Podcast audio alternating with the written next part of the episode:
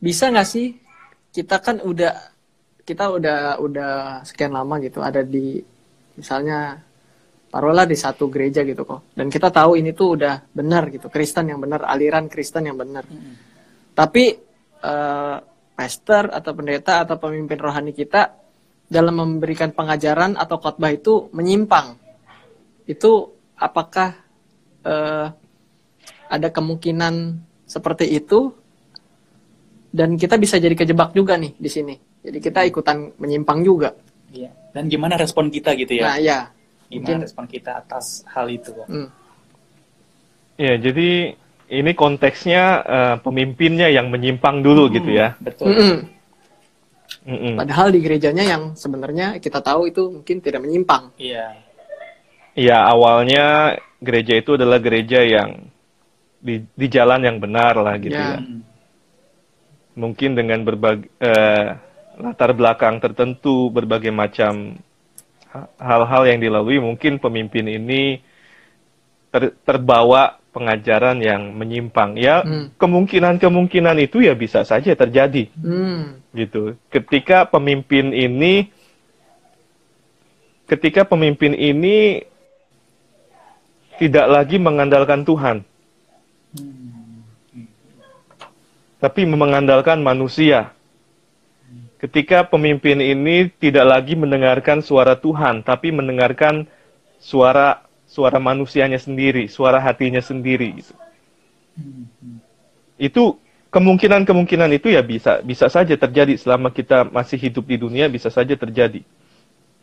Apalagi yang yang dia cari bukan bukan eh, apa namanya ya, bukan kemuliaan Tuhan, tapi yang dia cari kemuliaan untuk dirinya sendiri. hmm. Mungkin saja ya, mungkin saja bisa. Dan ketika pemimpinnya menyimpang lalu diajarkan kepada jemaatnya, ya otomatis jemaatnya mendapatkan pengajaran yang menyimpang. ya Nah, dalam konteks ini saya bicara tentang jemaat nih sekali lagi, jemaat bisa bisa menentukan atau bisa menilai apakah eh, sang pemimpin itu sudah mulai menyimpang atau tidak.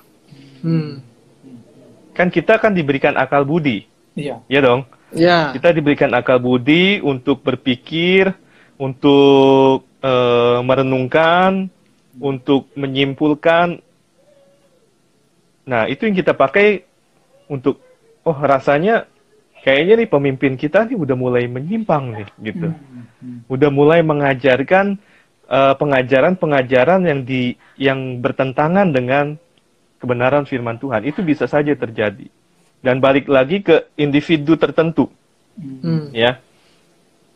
Sekali lagi kita harus tahu ketika pemimpin kita mungkin sudah mengajarkan sesuatu yang menyimpang ya, kita bukan takut kepada pemimpinnya tapi kita takut kepada Tuhannya. Hmm. Dan di situ kita bisa memutuskan bahwa kita mau tetap berpegang kepada kebenaran firman Tuhan. Dan itu yang akan menolong kita sehingga akhirnya kita tidak akan mengikuti pengajaran yang menyimpang dari pemimpin kita. Hmm. Mungkin ini kok lebih lebih kita nih mungkin kita tahu gitu. Ya ya mungkin kita tahu nih oh ini udah mulai menyimpang nih. Hmm. Ini udah salah nih. Nah, itu apa yang harus kita lakukan kok? Apakah kita harus keluar ataukah Nah, iya, gitu. mungkin ada Atau kita harus keluar dari Ah. gerejanya gitu atau langsung. gimana gitu Atau kan? kita bisa menegur ininya kan? Kalau ditegur kan Iya, nggak enak juga kan? iya karena Gimana Ya, respon kita? Jadi sekali lagi saya ingatkan gereja itu bukan bukan mall, bukan rumah sakit yang Nah. ketika kita tidak suka dengan pemimpinnya main keluar begitu aja gitu. Hmm. Tapi gereja itu adalah rumah rohani ya buat kehidupan kita. Jadi ketika ada sesuatu yang kita sudah ketahui bahwa itu menyimpang dari kebenaran firman Tuhan, kan gereja kan ada ada organisasi kan, ada ada pengurus-pengurusnya, Iya. Ya kan? Nah, itu bisa bisa dibicarakan gitu. Itu bisa di Hmm. dikomunikasikan dengan baik Diskusi. Iya. ya diskusi, sharing, dikomunikasikan musyawarah sampai nanti ada ada titik temu, ada ada ada kejelasan Ya, namanya pemimpin juga manusia masih, Iya, Ya. iya, betul Pak ya. ya. Masih masih ada kesempatan atau ada kemungkinan dia bisa salah, ya. Hmm. Bisa bisa jatuh. Iya, Itu. iya, iya.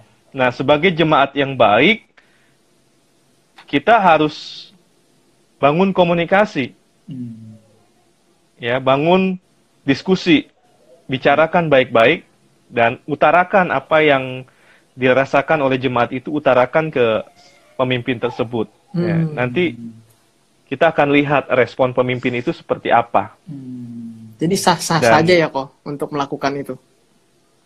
Ya sah-sah saja asal disampaikan dengan cara yang baik, Mm-mm. cara yang sopan, Hmm. cara yang etis gitu. Iya.